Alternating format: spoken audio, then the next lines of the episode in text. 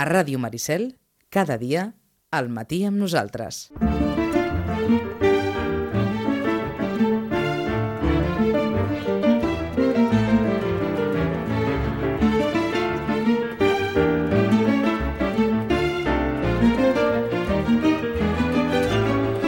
Un quart de dotze.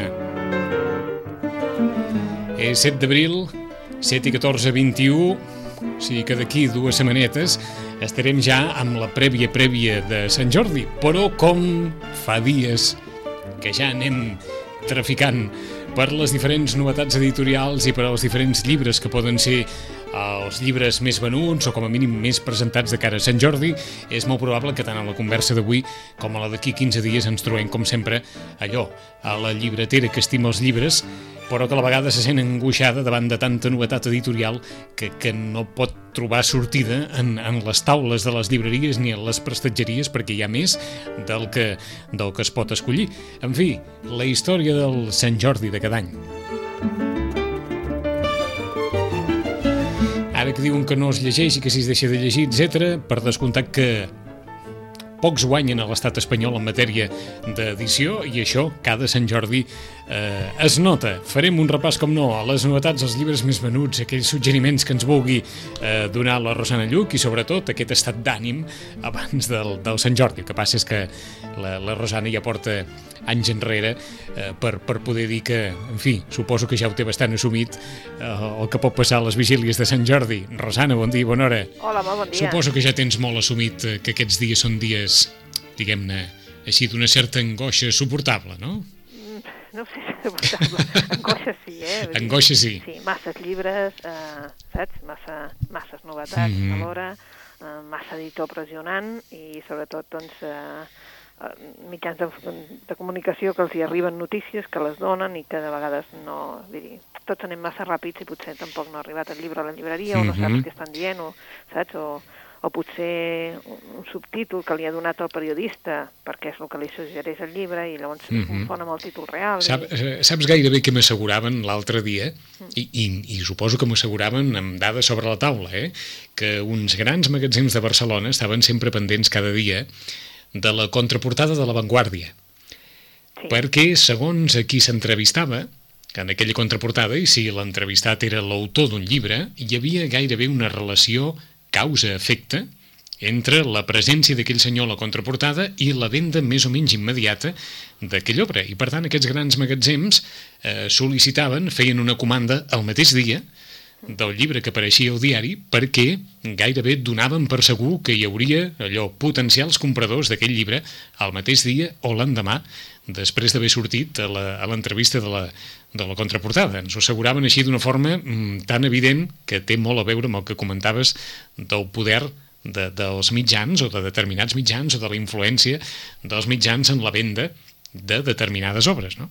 Sí, és que eh, realment la, la contra de Vanguardia és una contra que, que funciona, Mhm. perquè normalment depèn molt de, de com se fa l'entrevista, eh? i de l'entrevistat si sap contestar i si té ganxos dos, saps? Però normalment sí que la, la, la realitat és aquesta, que hi ha una causa-efecte ràpid, eh? o sigui, és, Mhm. mm, avui sortia a la contra això, eh? i clar, tu dius, bueno, A a- d'estar al tanto del que ha sigut a la contra. A, a vosaltres també us passa, Rosana? Sí, sí, sí, sí, o sigui, tothom, i els editors saben, hi ha unes baralles Mhm. per sortir a la contra que és increïble, eh? perquè sí, perquè normalment té aquesta causa-efecte, eh?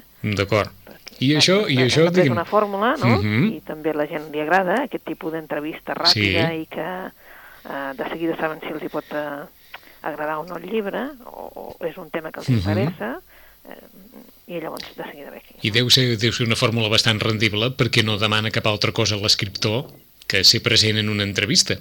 Per Sí, tant, sí. diguem-ne que des del punt de vista de l'esforç de l'escriptor per acostar-se al lector no és tant com, com el que pot suposar una jornada de Sant Jordi o, o el que es feia abans de l'escriptor del mes. Aquí es tracta d'una entrevista, l'entrevista és difosa i l'entrevista té unes conseqüències en, en la repercussió de l'obra i en les vendes de l'obra mm, diguem-ne, sense que suposi un esforç afegit molt gran que no sigui el de eh, conciliar interessos entre el mitjà de comunicació i l'editorial. Exacte. I, I mm, jo aniria una mica més lluny i normalment les contres que tenen més èxit són les que no parlen de novel·la.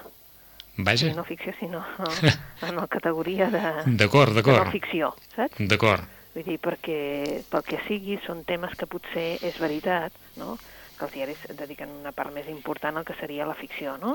També és veritat que és que surten molt més títols que, que la resta, Mhm. no? Mira, Quan amb- surt un amb- títol de no ficció, Sí. no?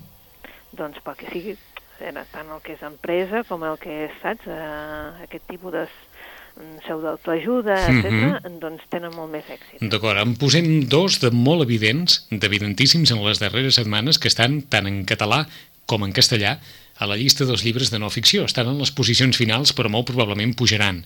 Són de dos... Eh, eh, de dos metges eminents. Eh? Per un costat hi ha el llibre del cardiòleg Valentí Fuster, Sí, diguem-ne que és un, és un llibre on d'una forma molt didàctica s'intenta acostar l'alimentació equilibrada i sana als més menuts a base de, de l'utilització de, dels màpets, de, dels Sí. telenyecos tan coneguts, i per altra banda el llibre del metge Nolasca Carín, dedicat a l'Alzheimer, i a com, diguem-ne, mm, enfrontar-se a aquesta malaltia, com els familiars poden trobar eh, mètodes i ajut per, per aconseguir enfrontar-se a la malaltia. Han estat dues persones que han sovintejat molt en els mitjans de comunicació de premsa escrita eh, aquests darrers dies i aquestes darreres setmanes i els dos llibres són ja eh, a part de, de l'interès evident de, de cadascuna de les obres, en eh, els llibres més venuts, amb, amb assaig, tant en català com en castellà. sí, la veritat és que sí. I també hem de dir que, esclar, és que uh, sobre aquest tema, no, sobre l'Alzheimer, um, pel tipus de... Mm, clar, la, la gent vivim cada vegada mm -hmm. molt Mhm. més, eh, aquesta és una malaltia que cada vegada, evidentment, doncs, eh, la tenim més present a, a, a casa de tots, no? I la veritat és que hi ha poca literatura sobre això. Mm. Eh? I llavors, literatura mm, que puguem llegir tothom sense tindre Mm, coneixements metges. Eh, Eh? ens cridava l'atenció, però, perquè molt sovint ens acostem a Sant Jordi en el vessant, Mm. diguem-ne, no, no sé si dir més positiu dels temes literaris, i enfrontar-se, diguem-ne, a un llibre que veritablement posa sobre la taula una qüestió com l'Alzheimer, Mm. que, que de ben segur que en el fons, en el fons, en el fons, eh, porta lliçons o experiències que, que poden ajudar d'una forma positiva a les famílies, però que, com deies tu, és un tema eh, és un tema punyent d'entrada per, per enfrontar-se, diguem-ne així, d'una forma, sigui amb llibre o sigui amb assaig, no? Sí, però suposo que també tots necessitem, no?, Ja. conèixer Mm. què està passant, no? Està clar, està clar. I, I suposo que, clar, també és veritat, no?, que tots tenim o tiets o avis o... No? I, Mhm. i fins i tot doncs, a nosaltres mateixos ens interessa saber uh, què passa exactament en el nostre cervell eh? i què, què, és, què és el que ens passa quan, quan agafem aquesta malaltia. Aquests són llibres que es venen per Sant Jordi, Sí, però Sí. No, no necessàriament. La veritat No és necessàriament. Que és, seria el mateix si es publiquessin... en eh, qualsevol altre moment de l'any. Exacte, perquè són llibres de, el que nosaltres diem de llarg recorregut, no? Mhm. O sigui, que són llibres que, que estaran a la llibreria. Per què? Home, perquè són temes, no?, que... No, Atemporals, No, exacte, són atemporals, vull dir, tu es necessiten igual ara que d'aquí dos mesos, Mhm. no? I que és important, doncs, tenir-lo uh, com a fons D'acord. la llibreria. Fora d'aquestes llistes, com sempre ha dit la Rosana, i és un àmbit que no es pot menys tenir de cap manera, hi ha el llibre infantil. Sí, vull dir que aquí no surt, ja ho saps, Mm. i llavors hi ha tot el... El llibre infantil també té una gran novetat aquests dies, eh? però molts, eh? Mm, doncs va molts molt. són molts, eh? Perquè, esclar, cada editor vol treure doncs, una cosa especial per Sant Jordi, no? I, clar, vull dir, si haguéssim de començar pels més venuts, home, ja hi ha un, Mhm. un èxit in- increïble, que és el Per què? Stilton. Eh, d'acord. Però després amb, el, amb aquesta franja de jove adult n'hi ha molts més que no s'està parlant i també la veritat és que són llibres que ja deixant a part Stephanie Meyer, eh? Mhm. Uh, i tota la O- saga o de sigui que- traicionades, Mhm. etc etc. eh? Si en aquesta llista de llibres més venuts, Mm. si haguessin d'incloure els infantils, és molt probable que, que Jerónimo Stilton estés per aquí al mig, en una posició destacada, per Estaria exemple. al davant de tot, Estaria al davant de tot. al davant de tot. Sí, sí. D'acord. Sí. O sigui que compta amb allò de pensar que la literatura infantil o que el llibre infantil no ven, perquè ven més moltes vegades que eh, el d'autor suposadament consagrat o que veiem aquí en les llistes. Sí, Sí. a més a més, també hi ha aquell tema de que, és clar com que diem que els nens han de llegir i tot Mhm. això, el pare quan veu que el nen hi té tanta afició, saps? Vull dir, s'hi aboca també. D'acord. Bueno, que d'acord que sigui una literatura, doncs sí, Mhm. però veuen que Però si ja- a partir dels 7 anys. Llavors això els fa tanta il·lusió, que el que sigui, eh? que té olors, bueno, és igual, però almenys s'ho llegeix. D'acord, No d'acord. només va directe a les olors i el no sé què, i el Mm. xocolata. I... Mhm. No, no, és que s'ho llegeix. I llavors, clar, a partir d'allà també els han enganxat i, i per ells és molt fàcil. Hi ha Mm, molt de d'acord. color i tal. El que ens havies dit en més d'una ocasió, que tot això és molt bonic fins que arriba l'adolescència i aleshores entrem en una vall Sí, de la qual potser se'n surt. Sí, el... hi, ha, hi ha un període, però ara hem tingut la sort de- d'enganxar a totes aquestes adolescents, eh, sobretot noies, eh, que s'han enganxat a aquest tema de, de, de, de vampirs i d'homes llops i d'aquestes coses, saps? Sí. I llavors la veritat és que ara hi ha moltes sagues d'aquestes. També una saga així tipus futurista, com el Joc en Flames, Mm. un dels llibres que en aquest moment s'està venent més. Vull dir que hi ha títols, eh, o bé temes, o bé títols concrets que els atrapen molt. D'acord. Que, llavors llege... també- que llegeixen més les noies que els nois? Hi ha un, una certa època que sí. Hi ha una certa època que sí. Sí, sí. Sobretot aquesta de- d'això de, l'adolescència, no, no voldríem donar arquetips, però sí que és Mhm. cert doncs, que, que fins i tot comparteixen més. Després hi ha aquella altra saga, vull dir que clar, tenim tot un públic també que s'ha dirigit cap al manga. Mm. No és que no llegeixin, és que llegeixen un D'acord. altre tipus. Eh? D'acord. I llavors nois Tot, de, tot depèn manga, si nois- podem, d'acord, tot depèn si podem considerar el manga Ah, com més o exacte. menys literatura o no, o el que sigui. Exacte, tot això ja és valoracions. D'acord. que llegir, llegir, llegir Mhm.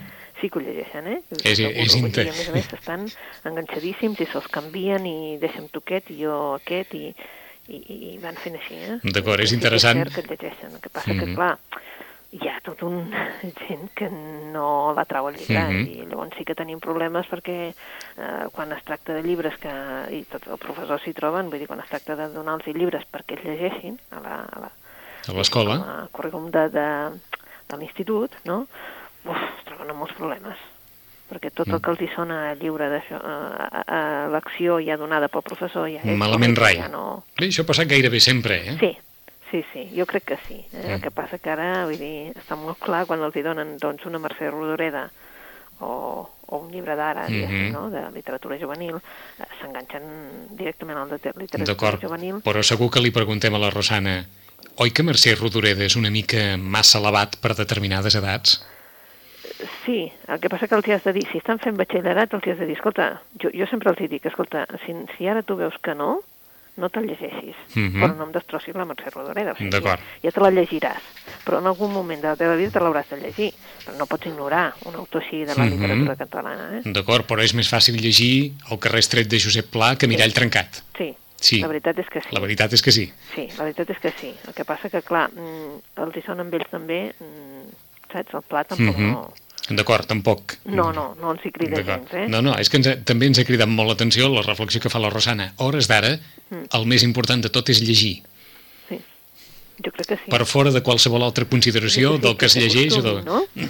D'acord, el costum de llegir. el costum de llegir, que agafin aquest costum de llegir, mm, de, de veure que els està donant alguna cosa més, eh, que els està obrint fronteres a la lectura, que els, que els està obrint d'alguna manera a altres cultures, um, que llegeixin, de moment que llegeixin, i, i després una mica cada lector jo crec que també va de triant, i va triant el que li agrada i el que no li agrada. punt, Mhm. eh? Eh, um, eh, també és pregunta de, de Sant Jordi, però ja posats. Es llegeix més que abans? Uh, llegir literatura, això ja hauríem de fer, sí, sí. Eh? Llegir, que- sí. Que clar, D'acord. si, si volem dir llegir llibres, Mhm. Jo crec que es llegeix. El que passa és que, clar, uh, I et preguntem per allò de sempre, eh? Quants anys portes a la llibreria? Tota la vida. jo des de molt jove, el que passa que va, va, vaig estar un any, uns anys a l'ensenyament i, llavors només ho feia de caps de setmana. D'acord, però te- segur que eres coneixedora de, de com anaven les coses també? Sí, sí, la veritat, bueno, i llavors, clar, com que estava a l'ensenyament, doncs també... Eres sabia coneixedora del que passava, eh? El que passa que no, no, no, no feia literatura Però catalana, si, per tant, tampoc si, estava... però si t'ho diem així obertament, mm, Rosana, es llegeix més que fa 20 anys? Bueno, llavors ja hi era la llibreria i, i jo crec que sí, sí, com a mínim, eh, hi ha molta més gent d'una certa edat que està llegint més, eh? perquè són aquelles generacions, clar, és que fa 20 anys, recordem de qui venia, no? Vull dir, Sí. la gent gran en, en fa 20 anys no llegia tant, però per un tema de que... De comprensió lectora, gairebé? És que, clar, la població lectora era menys. Mhm. era, era molt menys perquè és que tampoc no havien tingut tant de. L'oportunitat de... Està clar. La seva formació, diguéssim, no era tanta. Era més autodidacta en el sentit Mhm. de que bueno, havien passat una... No? Venien d'una postguerra, venien d'una... No? Era, era diferent. D'acord. La gent gran. A Oh. Les que tindrien ara la meva edat, doncs, clar, D'acord. doncs O sigui, venien d'un altre tipus. o clar, sigui la que- De, la nostra edat, diguéssim, Mhm. venim d'una formació ja. I D'acord. clar, ja tot és diferent. No? o sigui que fent, fent un titular, Rosana, és normal que s'editi molt més que abans perquè es llegeix més que abans. Jo crec que sí, el que passa que, clar, eh, no tot és literatura que estan llegint, eh? D'acord. No tot és literatura, llavors, clar, s'edita molt més, Uh -huh. eh, perquè bé... perquè S'edita de tot. molt més ràpid, tothom ho volem tot a, al moment i ja, eh? El que passa que ens oblidem de, del de darrere, eh? Mhm. Del que és el fons-fons, diguéssim. D'acord. Eh, hi havia ara fa molt poc unes crítiques de dir, bueno, qui està llegint la Montserrat Roig? D'acord. El que sempre has demanat tu, eh? no? Vull dir, qui Que- està que- llegint Mhm. eh, els nostres clàssics? Doncs pues no, no els estan llegint, eh, perquè, perquè hem de, de negar que els Priu no l'estan llegint ningú. D'acord. Vull dir, eh, bueno, Uf, quan dic ningú, sí, ja sí, m'entens, eh? sí, Vull sí. dir que El que passa una és que població no- lectora Mhm. petidíssima de literatura catalana dels, no, dels nostres, D'acord. com diguéssim, clàssics del 20, eh? Ja no Mhm. dic enrere, eh? I, I si vols dir clàssics, podem dir els nostres referents més propers en quant a literatura no són gens presents en, diguem-ne, els interessos de, del públic en general. Del públic en general, no. Sigui Espriu, sigui Rodoreda, sigui Pla, sigui... Sí, és igual, vull dir, Mhm. que pots anar amb, amb el que vulguis, eh? sigui poesia, sigui teatre, sigui... és igual, vull dir, no, no ho són presents. I per això no, els editors també els obliden bastant, eh? D'acord. Vale? Perquè també és una qüestió de dir, bueno, és que els estan editant? No. Vaja. Doncs així, Sí, sí. no, saps? D'acord, d'acord. L'eterna qüestió de... col·leccions com a molt de- d'educació Uh -huh. i, i com molt directes d'anar cap a l'escola, esperant que surtin en el currículum escolar, no? I això tampoc no sé si afavoreix o no afavoreix, tampoc no, no, no ho sabria dir. D'acord, Eh? ara aniríem més enllà perquè parlaríem de la responsabilitat dels editors o de qui es pot fer responsable de desvetllar aquest patrimoni literari d'una forma d'una forma prou atractiva com perquè veritablement eh, passi el que, el que en el seu dia va fer edició 62 amb la Caixa amb aquelles col·leccions, per exemple, que encara deuen rodar per moltes cases. Exacte. Sí, un lloc on te deuen rodar, eh? Mm, Sí, sí, segurament, segurament. De moment, però, amb la llista dels llibres més venuts, algunes incorporacions que no sé si havíem comentat. Maldito Carme l'havíem comentat? El Maldito Carme fa molt de temps que apareix i desapareix, no? D'acord, i ara Però és- veig que torna a És aparèixer. una novel·la d'aquelles eh, divertides, eh? Eh, mm, que és una novel·la que s'han anat exaurint. Saps allò? Que fan una edició, pum, exaurida. Una altra edició i dius, bueno, però em sembla que ja han arribat a tres o quatre edicions Mhm. i és una novel·la que jo, jo encara no he arribat a llegir, però simplement per allò, no?, que dius, bueno, calla, que la pam, una sola exaurida. Eh? Però sí que té la pinta, no?, allò que vaig llegir un primer capítol i té la pinta de ser una novel·la molt divertida, Mhm. eh? que connecta molt amb un públic lector de, de 30. D'acord. De 30 en amunt. Eh? D'acord. Um, havíem parlat de El tiempo envejece deprisa? El tiempo envejece de prisa no no n'havíem parlat, és la, la darrera obra del Tabuki. Eh? Um, com sempre, el Tabuki ens presenta bueno, uns escrits molt ben escrits. Eh? Um, són, són personatges que, que han viscut una sèrie de, de vivències o que estan vivint el temps de la memòria o, i de la consciència. Um, és una mica com si el temps fugeix. Eh? Fuig, però també es deté. Eh? I eh, tenim des d'un ex- exagent de la República Democràtica Alemana que durant anys es va dedicar a espiar Albert Albrecht. Eh? I ara és com si anés sense allò, sense rumb per Berlín, fins a arribar a la tomba de l'escriptor per confiar-li un secret, diguéssim. Eh? Uh, en una localitat turística tenim un oficial italià que, que ha tingut radiacions d'urani, d'aquell de... I, I a Kosovo ensenya una noia l'art de llegir el futur, però en els núvols. Eh? En definitiva, són uns personatges, tots, no?, que és com si, que estiguessin com si estiguessin en un quadre, no? I, i cadascú va fent una sèrie de coses com si, i, i al final fas com un puzzle, no? Són unes històries que, que com sempre el Tabuki, doncs, eh, les, són, les tenim com a pròpies quan realment són, històries de, del món de la imaginació, Uh -huh. d'una realitat que el còdic potser nosaltres ja l'hem extraviat, i són aquestes històries de, del tabuki que atrauen i que, a més a més, eh, gratifiquen molt perquè estan meravellosament escrites. Eh? Són nou relats eh, ambientats eh, una mica doncs, eh, des de Berlín fins a Estambul, a Bucarest, a Varsòvia, mm, saps allò que com que estan molt cuidats, també és una lectura, diguem-ne, diferent, eh, per exemple, el que seria els primers llistes, de la, o sigui, el, el primer de la llista i, i l'últim Sí. no tindria res a veure. per D'acord. Ni pel tipus d'escriptura, ni pel tipus de personatges que ens vol explicar, ni pel tipus de temps. En català i en castellà, Sí. mm, El temps envelleix de pressa, El tiempo envejece de prisa, d'Antonio Tabucchi, també en la llista dels llibres mm, més venuts. No sé si havíem parlat tampoc d'Una família fora de sèrie, Bé, aquesta és una, una obra divertida.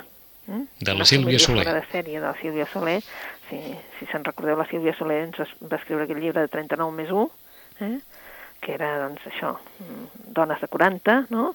I ara tenim, doncs, eh, bueno, una família fora de sèrie, perquè és una família d'aquelles, les noves famílies que se n'hi diuen ara, no? Uh, L'Oriol i la Maria ja no són joves i, esclar, tenen un passat i uns fills, però també tenen unes exparelles i unes famílies que tenen tots ells moltes particularitats, no? Uh, perquè, esclar, l'Oriol i la Maria tenen els pares de la Maria, uh, els pares de l'Oriol, uh, l'àvia, eh? Uh, esclar, la Maria té filles bessones, eh? um, que és una era seva i una altra era del seu ex, no?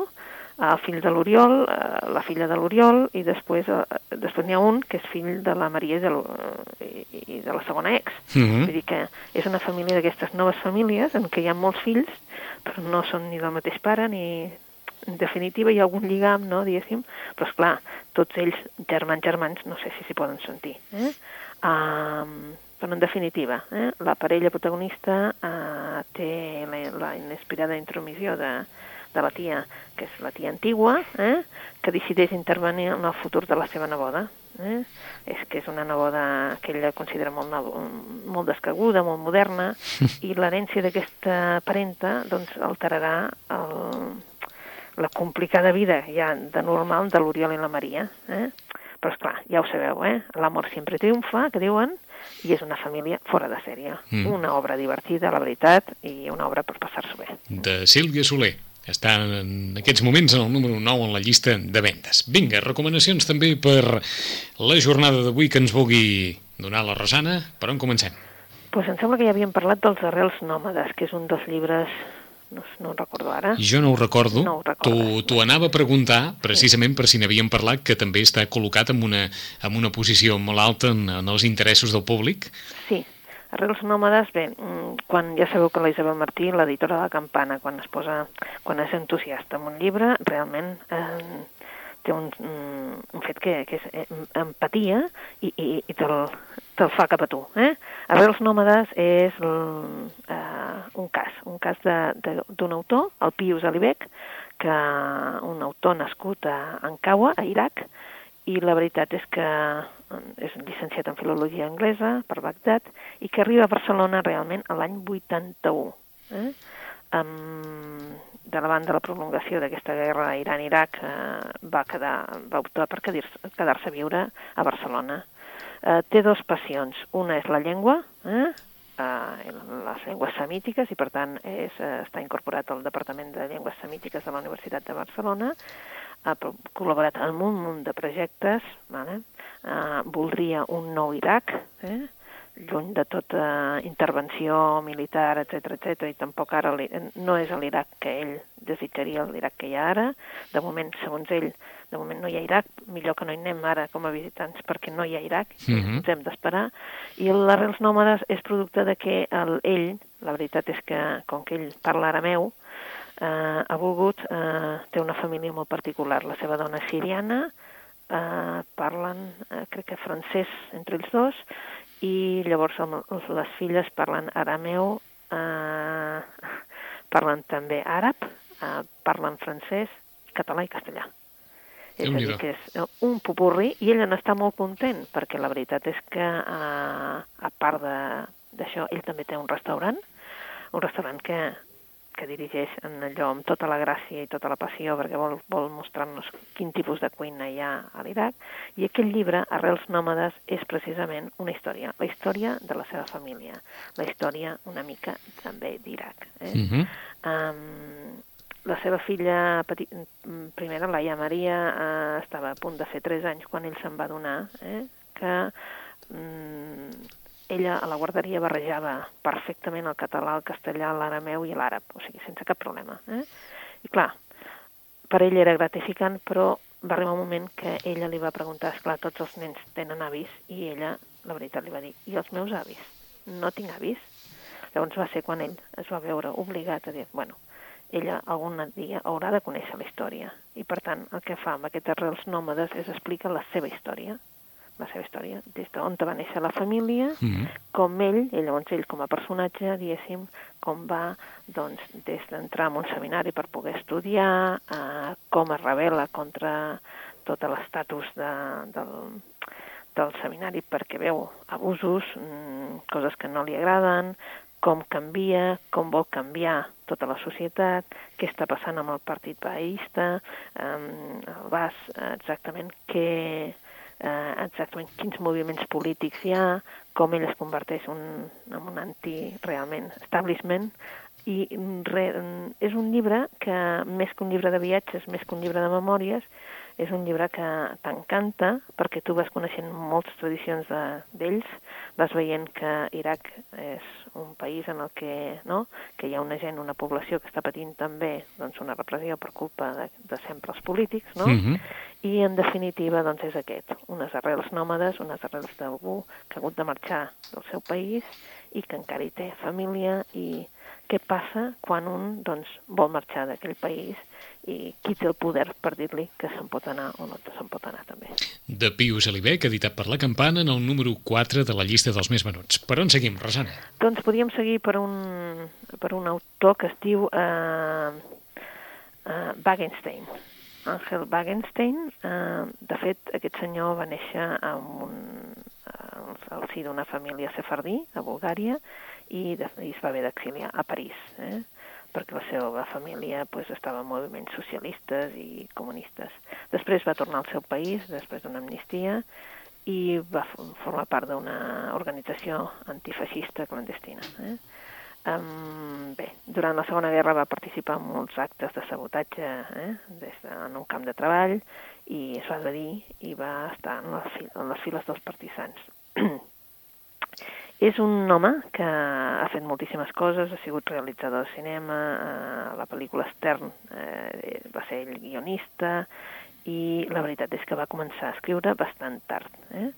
Ja ens ha publicat diversos llibres, i aquest, el Lejos de Toledo, és potser uh, el, el darrer, i a mi m'ha agradat. Uh, va començar amb el Pentateuco d'Isaac, eh?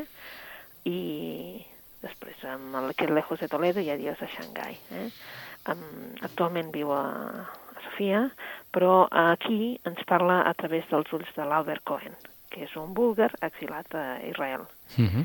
I el que fa l'Àngels Wagenstein es ressuscita a aquell món de la infància a Plodiv, eh? una de les ciutats més boniques i cosmopolita dels Balcans. El Cohen re retorna per uns dies a Bulgària per un congrés i el retrobament amb la seva ciutat natal i amb la seva gens eh, a les que porta tants anys sense veure, li fa doncs, eh, recordar-se'n d'aquell món desaparegut. Eh? El record del seu avi, eh, l'honorable Abraham, el borratxón, eh, que és un, bueno, és un, era un fabulador genial i va ser també testimoni final d'una època, eh, això li permetrà amb ell reviure un dels episodis més importants de la seva infància. Eh? El que passa és que en tot això hi ve el present, que és un escurt intent d'especulació de, immobiliària, el retrobament amb un antic que mor o el conflicte de l'Orient. Eh? La veritat és que jo quan vaig llegir el Pentateuc d'Isaac, malgrat que el tema no era divertit, a mi em va divertir moltíssim. Té unes frases que realment eh, arribes a riure, eh? perquè com li demanem a Déu que governi un món quan tot està torçat, no? Um, saps, és allò, fa referències històriques sobre mm, el els seus avis paterns, els seus Mhm. avis materns, sobre el cementiri, eh, i té una manera d'escriure que ràpidament tu t'enganxes a la novel·la i ja no la pots deixar. Lejos de Toledo d'Àngel Wagenstein, veig que portem una tirada de llibres que revisiten passats familiars eh, Sí. o que dibuixen països a partir de la història de, de famílies eh, i, de, i de relacions. Àngel Wagenstein, Lejos de Toledo. I tenim temps per un mes, Rosana. Per un mes. Bueno, doncs ha sortit una novel·la que... Bueno, ha sortit, no sé si parlar... Bueno, la, la, la setmana que ve parlarem dels finals d'avui, parlarem de Tracy Chevalier. Tothom la reconeix, tothom la reconeix com a l'autora de La joven de la perla, eh? Eh, la noia de la perla. Uh -huh. Uh, ha fet un llibre, un llibre nou que es diu Les huelles de la vida. I en aquesta vegada també les dones són protagonistes. Eh? Uh, acabem de celebrar no? doncs, uh, el centenari de Darwin, eh, però ara el que fem és, a través de dues dones, tenim dues dones, segle XIX, dues dones, eh, dues dones que van per les roques buscant, en les roques de la costa anglesa, buscant unes pedres, unes pedres est- estranyes que porten la marca de vides antigues. Uh, L'Elisabet és una dona culta, soltera, d'aquelles de la societat, diguéssim. I la Mary és una noia doncs, d'origen molt humil, eh, però comparteixen una afició. Eh? Les, eh, les dues busquen fòssils i col·leccionen fòssils. Uh -huh. La seva labor és molt discreta, però arriba un dia en què la Mary per, per fi troba una peça, una peça que es portarà al museu, al Museu de Londres. I després d'aquesta troballa en tindran moltes altres de sorprendents. Però, és clar, la Mary no surt ni de l'anonimat ni de la pobresa, però sí que obrirà el debat en la comunitat científica sobre l'origen de les espècies. Uh, molts anys més tard, uh, aquest talent d'aquesta noia tindrà la seva recompensa i el nom de les dues dones traurà per fi a les pàgines de la història en majúscula. La Tracy Chevalier el que fa doncs, és eh, ficció i realitat per explicar-nos la, la història de la Mary Anning i la Elizabeth Philpott, dues dones que van compartir passions, eh, frustracions, però això sí, la ferma voluntat d'obrir-se com un camí amb un home, un, amb un món eh, dominat pels homes, Mhm. realment. Eh? Um, una novel·la, diguéssim, que suposem també que tindrà mm, el seu camí, el que passa que és que acaba, acaba d'arribar. Per tant, encara suposo que ni els diaris ni ningú n'ha parlat. D'acord. Eh? Les huelles de la vida de la Tracy Chevalier. Eh, Hem compartit aquesta recomanació amb Lejos de Toledo d'Àngel Wagenstein, amb els arrels nòmades de Pius Alibec, amb una família fora de sèrie de Sílvia Soler i també amb aquest El tiempo envejece de prisa d'Antonio Tabucchi. Alguns d'ells estan a la llista dels més venuts, però clar, d'aquí 15 dies sí que haurem de fer un repàs, allò, una llista més o menys eh, ordenada eh, a partir dels diferents interessos de cara a Sant Jordi que estarà a punt d'arribar. I ho farem, com sempre, amb la Rosana Lluc. Rosana, fins d'aquí 15 dies. Fins aquí 15 dies. Ens tornem a retrobar. Gràcies.